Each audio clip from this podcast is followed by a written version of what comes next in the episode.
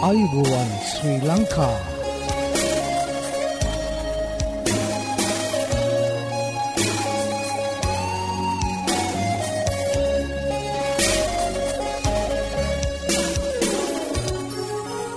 ඔබට සුපදවස මේ ඇඩවෙන්ටිස් වර්ල් රේඩියෝ බලාපොරොත්වය හඬයි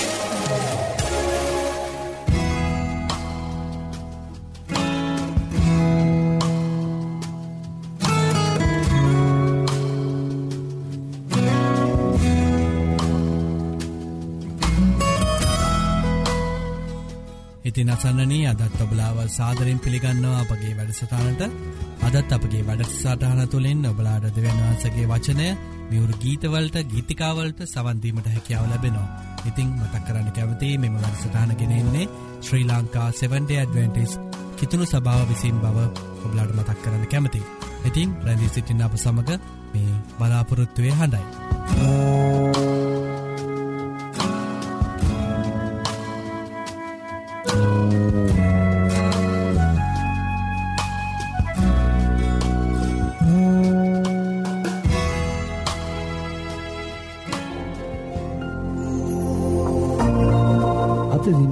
බයිබල් පාටය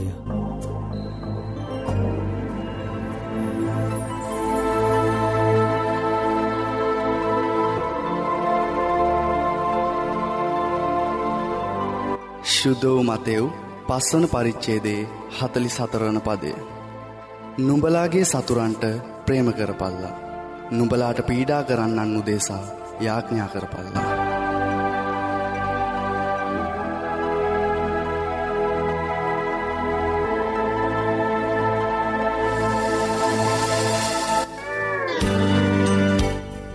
ආයුබෝවන් මේ ඇඩවෙන්ටිස් වර්ල් රේඩියෝ බලාපොරොත්තුවය හන.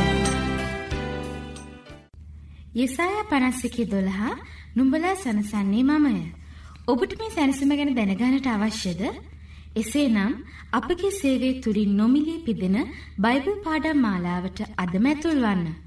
මෙන්න අපගේ ලිපිනය ඇඩවෙන්ටිස් වල රේඩියෝ බලාපොරොත්තුවේ හඬ තැපැල් පෙටිය නමසේ පා කොළඹ තුන්න.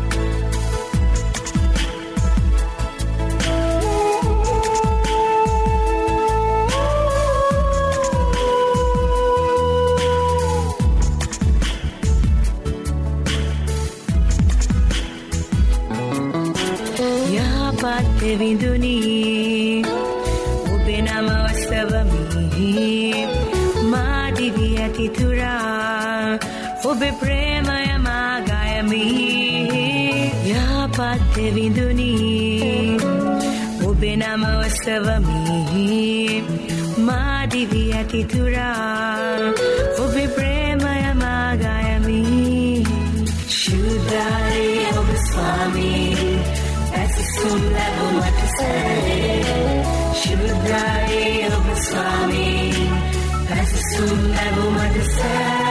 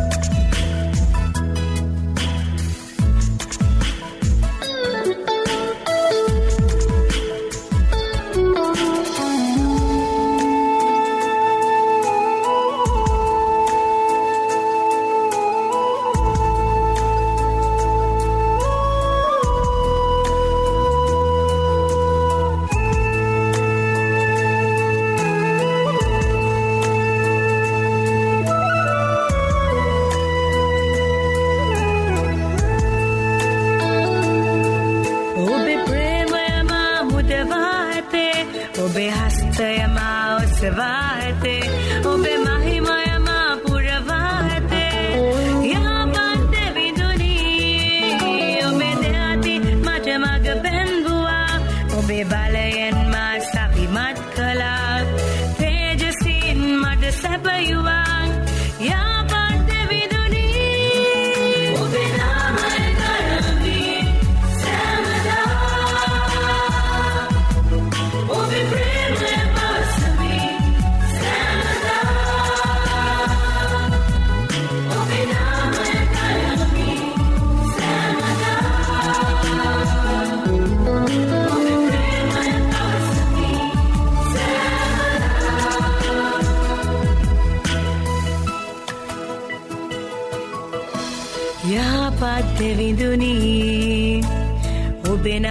නම ඔසවමි මාදිවී ඇතිතුරා ඔබේ ප්‍රේමය මාගයමි. යහපත් විඳුනී. ඔබේ නම ඔසවමි මාදිවී ඇතිතුරා ඔබේ ප්‍රේමය මාගයමි. ශුද්ධයි ඔබ ස්වාමී. jumla bumat Shudai abasami Kazi sumla bumat sahe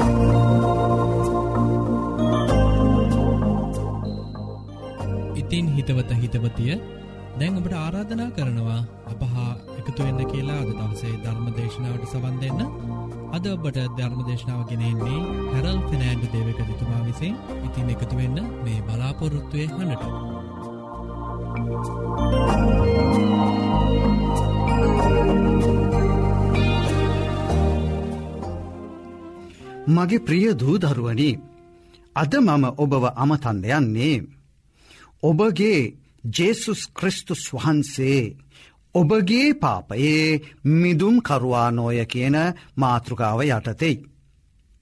මේක ඇවිල්ලා දෙවියන් වහන්සේ මනුස ජාතීන්ට දුන්නා වූ උත්තුම්ම උත්තුම්ම උතුම්ම පොරොන්දුවයි. මොකක්ද ඔබගේ මිදුම්කරුවානෝ ඔබගේ පාපයට සම්මාව ජේසුස් ක්‍රිස්තුස් වහන්සේ. තීතස් පොතේ තුන්ගනි පරිච්චේදේ පස්වනි පදේ ඉඳං හත්වනි පදයට මේ පිළිබඳව මෙහෙම කියනවා. අප විසින් කළ ධර්මිෂ්ඨකමේ ක්‍රියාවලින් නම් නොවෙයි තමන් වහන්සේගේ දයාව ලෙස නැවත ඉපදීම නැමති සේදීමෙන්ද ශුද්ධාත්මයණන් වහන්සේගේ අලුත් කිරීමෙන්ද උන්වහන්සේ අපව ගැලවූ සේක. එසේය උන්වහන්සේගේ කරුණාවෙන් අප ධර්මිෂ්ඨ කරනු ලැබ සදාකාල ජීවනයේ බලාපොරොත්තුවේ හැටියට උරුමකාරයන් වන පිණිස. උන්වහන්සේ අපගේ ගැලවුම් කාර්යාණන් වූ ජේසුස් ක්‍රිස්තුස් වහන්සේ කරනකොටගෙන ශුද්ධාත්මයණන් වහන්සේව අධික්ක ලෙස අප පිට වැගිරෙව් සේක කියලා. තුරද මෙතනදීම පෙන්නුම් කරනවා අපගේ සදාකාල ජීවනයේ බලාපොරොත්තුව නම් ජේසුස් ක්‍රිස්තුස් වහන්සේ. උන්වහන්සේ තමයි ඔබගේ පාපය වෙනුවෙන් කුර්සියට ගිහිල්ලා ජීවිතය පූචා කරලා පාප සමාවේ දොර ඇරලා දුන්නේ මාර්ගය විවෘත කරලා දුන්නේ. එක යොහන් පොතේ හතරේ දා හතර මෙහෙම කියනවා. පියාණන් වහන්සේ විසින් පුත්‍රයාණන් ලෝකයාගේ ගැලවුම් කාරයාකොට එවූ බව අපි දුටිමුව. ලූක් සුභාරංචියයේ පළමිනි පරිච්චේදයේ හතලිස් හත්වනි පදය මෙහෙම කියනවා. මාගේ ආත්මයද මාගේ ගැලවුම් කාර දෙවියන් වහන්සේ කෙරෙහි ප්‍රීතිමත් වනා කියලා. යොහන් හතරවිනි පරිච්චේදේ හතලිස් දෙවිනි පදය මෙන්න මෙහෙම කියනවා. මේ සියල්ලම ඔබට පෙන්නුම් කරන්නේ ජේසුස් ක්‍රිස්තුස් වහන්සේ ඔබගේ පාප සමාව දීල තිබෙන බවයි. හොඳ අපි බලමු යොහන් හතරේ හතලිස් දෙක. සමාර්ය වරුන්ගෙන් බොහෝ දෙනෙක්. උන්වහන්සේ කෙරෙහි අදහා ගත්නු ලැබුවා. මේ වෙලාවෙදී. සමාරියවරු උන්වහන්සේ ළඟට ඇවිල්ලා තමුන් සමග නවතින ලෙස උන්වහන්සේගෙන් ඉල්ලුව. උන්වහන්සේත් ඔවුන් සමඟ දවස් දෙකක් නැවතිලා හිටිය. වෙනත් බොහෝ දෙනෙක් උන්වහන්සේගේ වචනය නිසා උන්වහන්සේගේ ඒ අනුශාසනා අවවාද දේශන අසාගෙන උන්වහන්සේව අදහාගෙන ස්ත්‍රියට කතා කරලා කියනවා මෙන්න මෙහෙම. අප දැන් අදහන්නේ නුම්බේකීම නිසා නොවේ. මක් නිසාද අපිම අසා සැබෑවටම මුන් වහන්සේ ලෝකයාගේ ගැලවුම් කාර්යාණන් බව දැනගත්තු නිසයි කියලා කියනවා. ලස්සට කියනවනේ දැම් මේ ජනතාව කියනවා මේ එකෙක් කෙනා කියන නිසාපි ජේසුස් ක්‍රිස්තුස් වහන්සේ වදාගත්තේ නෑ. අපි දැන් අදහන්නේ නුඹේකීම නිසා නොවෙයි මක් නිසාද අපිම අසලා සැබෑවටම මුන් වහන්සේ ලෝකයාගේ ගැලවුම් කාර්යණන් බව දන්න නිසයි කියලා. ලූක් දහනමේ දහය මෙහෙම කියනවා. මනුෂ්‍ය පුත්‍රයා වන ජෙසුස් ක්‍රිස්තුස් වහන්සේ නැති වූදේ සොයන්ටද ගලවා ගන්ටද ආයේ අයි කිව්ව. ඔබ ඔබගේ වර්ධකාරකම නිසා නැතිවී සිටින විටයි ජේසුස් ක්‍රිස්තුස් වහන්සේ ඔබව සොයාගෙන එන්නේ. ඔබ වෙතටම උන්වහන්සේ එනවා. ඔබ ළඟටම උන්වහන්සේ එනවා. ඔබගේ සිත නැමති දොරටුව ජේසුස් ක්‍රිස්තුස් වහන්සේ වෙත ඇරල්ලත බන්න. ඔබගේ කැමැත්ත උන්වහන්සේට කියා තබන්න මම ආසයි මම කැමතියි ඔබ වහන්සේව මගේ චරිතයට මගේ ජීවිතයට පිළිගන්න කියලා. යොහන්තුනේ දාසය මෙන්න මෙහෙම කියනවා. දෙවියන් වහන්සේ සුවකීය ඒක ජාතක පුත්‍රයාණන් දෙන්න තරම් ලෝකයාට ප්‍රේම කලා. එහෙම කළේ උන්වහන්සේ කෙරෙහි අදහාගන්නා වූ සැම දෙනාවම ඔබත් ඇතුළුව. විනාශ නොවී සදාකාල ජීවනය ලබන පිණිසයි කියලා. දෙවියන් වහන්සේ ජේසුස් ක්‍රිස්තුස් වහන්සේව. මේ ලෝකයට එව්වේ ලෝක ජනතාවවම ඔබත් ඇතුළුව. විනිශ්චය කරන්නට නොවෙයි උන්වහන්සේ කරනකොටගෙන පාපයෙන් ඒ පාපේ තිත්ත ශාපයෙන් ගලවාගන්නටයි. රෝම පොතේ තුන්වෙනි පරිච්චේදේ විසි හතර විසි පහ ඔබට මෙහිම ඔවදනක් දෙනවා. ඔබ සැම දෙනාම උන්වහන්සේගේ අනුග්‍රහයෙන් ජේසුස් ක්‍රිස්තුස් වහන්සේ තුළ තිබෙන මිදීම කරන කොටගෙන. නොමිලයේ ධර්මිෂ්ට කරනු ලබන්නෝ වෙති. ඇදහීම කරන කොටගෙන උන්වහන්සේ සුවකිය ලෙයින් පව් නස්සන පූචාවක් වෙන්නට දෙවියන් වහන්සේ නියම කළා. ඇයි ඒ එහෙම කළේ. දෙවියන් වහන්සේ තමන්ගේ ඉවසිලිවන්තකම නිසා. පසුගිය පව් ගණන් නොගෙන හැරීම කරනකොටගෙන තමන් වහන්සේගේ ධර්මිෂ්ඨකම ඔබට පෙන්වන්නටයි. බලන්න දෙවියන් වහන්සේ කොච්චර ධර්මිෂ්ටද ඔබගේ පාපය ගණන් ගන්නේ නැහැ ඇබැයි ඔබ ජෙසුස් ක්‍රිස්තුස් වහන්සේ වෙතට ආවොත් පමණයි. උන්වහන්සේව ඔබගේ පුද්ගලික ගැලුම් කාරයා ලෙස පිළිගත්තොත් පමණයි. එපිස දෙවිනි පරිච්චේදේ හතරවනි පදය පස්වනි පදය මෙහෙම කියන. දෙවියන් වහන්සේගේ දයාවෙන් පොහොසත්ව සිටිනස්සේ. අපට ප්‍රේම කලා වූ තමන් වහන්සේගේ මහත් ප්‍රේමයෙන් අපගේ වරද කරන කොටගෙන. අප මැරී සිටි කල්හි පවා ක්‍රිස්තුස් ජෙසුස් වහන්සේ සමග අප ජීවත් කර. නුඹලා සිටින්නේ අනුග්‍රහයෙන් කියලා. බලන්න අපි පාපය නිසා මේ පාපේ ශාපය නිසා අපි මැරල විනාශ වෙලා ඉද්දි පවා ජේසුස් ක්‍රිසුස් වහන්සේ අපව ජීවත් කරවන්නට කැමතියි කියලා. අපට පාපයට සුවය දෙන්නට කැමතියි කියලා. ඒ පාපේ ශාපයෙන් අපෝ බේරගන්නට කැමතියි කියලා. උන්වහන්සේ සමග අප නැගිටුවලා ක්‍රිස්තුස් ජේසුස් වහන්සේ තුළ අප කෙරෙහි ඇත්තාව කරුණාවන්තකම නිසා තමන්ව අනුග්‍රහයේ ඉතා මහත් සම්පත පැමිණෙන කාලවලදී පෙන්වන පිණිසයි මෙහෙම කරලා තිබෙන්නේ. ඇදහිල්ල කරනකොටගෙන ඒ අනුග්‍රහයෙන් නුඹලා ගැලවී සිටින්න හොය. එය ඔබලාගෙන් නොව දෙවියන් වහන්සේගේ දීමනාවය. යොහන් හයේ හතර මෙන්න මෙහෙම කියනවා. සැබැවක් සැබවක් නුඹලාට කියමි. අදහන්නාට සදාකාල ජීවනය ඇත. එපිස දෙකේ අට සහ නමය මෙහෙම කියනවා. ඇදහිල්ල කරන කොටගෙන ඒ අනුග්‍රහයෙන් නුඹලා ගැලවී සිටින්න හුය. එය නුඹලාගෙන්ම නොවෙයි. ඒක දෙවියන් වහන්සේගේ දීමනාවක්. කිසිවෙක් පාරට්ටු කර නොගන්න පිණිස ඒක ක්‍රියාවලින් නම් නොවෙයි කියලා කියනවා. රෝම දහය නමය මෙහෙම කියනවා. ජේසුස් ක්‍රිස්තුස් වහන්සේ ස්වාමින් වහන්සේයයි ඔබගේ මුඛයෙන් ප්‍රකාශ කරන්නේ නම් දෙවියන් වහන්සේ විසින් උන්වහන්සේව මලවුන්ගේ නැගිටෙවූ බව සිතින් අදහන්නේ නම් නුඹ ගලවනු ලබන්නේහිය කියලා. දෙමිනි කොරන්ති පහේ දාහත මෙහෙම කියනවා. එබැවීන් යමෙක් ක්‍රිස්තුස් වහන්සේ තුළ සිටින්නේ නම් ඔහු අලුත් මැවිල්ලක්ය. පරණදේ පහවගියයේ. මෙන්න සියල්ලම අලුත්ව තිබේ. දෙකතිමෝති පොතේ එකේ නාමය ඔබට මෙහෙම කියනවා.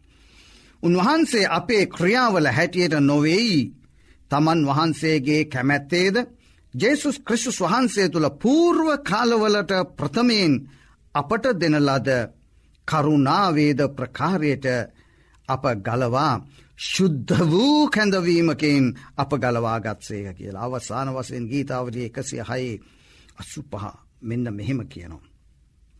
උන්වහන්සේ තමන් බලා පරාක්‍රමය දක්වන පිණිස සුවකිය නාමය නිසා ඔවුන් ගැලවූ සේක කියලා. බලන්න ජේසුස් ක්‍රිස්තුස් වහන්සේ ඔබට කොපමන ආදරේද කියලා. ඔබ ජේසුස් ක්‍රිස්තුස් වහන්සේ වෙතට එන්න.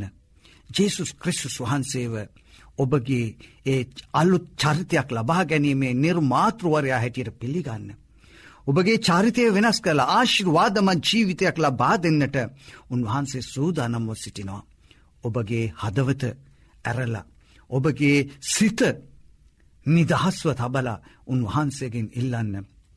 මා වෙතට එන්න ජේසු සමිඳුනී මගේ පාපයට සමාවදීලා ඔබ වහන්සේ මගේ මිදුම් කාරයාවන්න කියලා ඉල්ලා සිටින්න.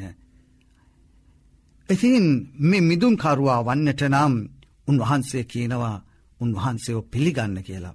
අපි යාඥා කරමු. ස්වර්ගේ වැඩ සිටින අපගේ ආදරණීය දෙවිපාණනී. ඔබ වහන්සේ අපට දුන්නා වූ ජේසුස් ක්‍රිස්තුස් වහන්සේ නිසා ස්තුතිවන්ත වෙන අතර. ජේසුස් ක්‍රිස්තුස් වහන්සේ දෙවීකත්වය තැබලා මේ ලෝකයට මාංෂිකත්වය අරගෙන මනුෂ්‍යයෙක් ලෙසම උන්වහන්සේ මේ ලෝකෙට ආවේ අපගේ පාපය නිසයි. උන්වහන්සේ මේ ලෝකේ මනුස්සෙක් ලෙස ජීවත් වෙලා කුරුසියට ගිහිල්ලා දුක් විඳලා උන්වහන්සේ ලේ හලල ජීවිතය පෝච්චා කළේ මනුෂ්‍ය වර්ගයාගේ ඔබගේ පාපයට සමාව දෙන්නයි.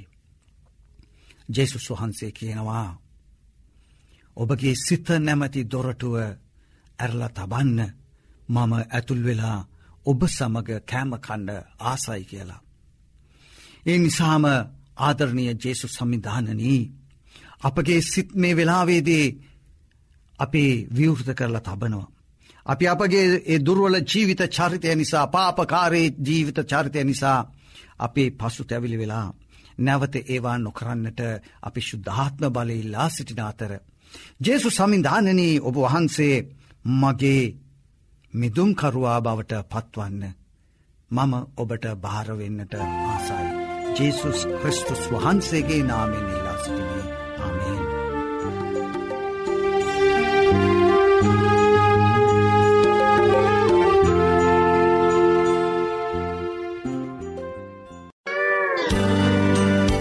ආයුබෝවන් මේ ඇඩ්වෙන්ටිස් වර්ල්ඩ් රේඩියෝ බලාපොරොත්තුවේ හඬ. සත්‍යය ඔබ නිදස් කරන්නේ යසාය අටේ තිස්ස එක. මේ සත්‍ය සොයමින් ඔබ අද සිසිින්නේද?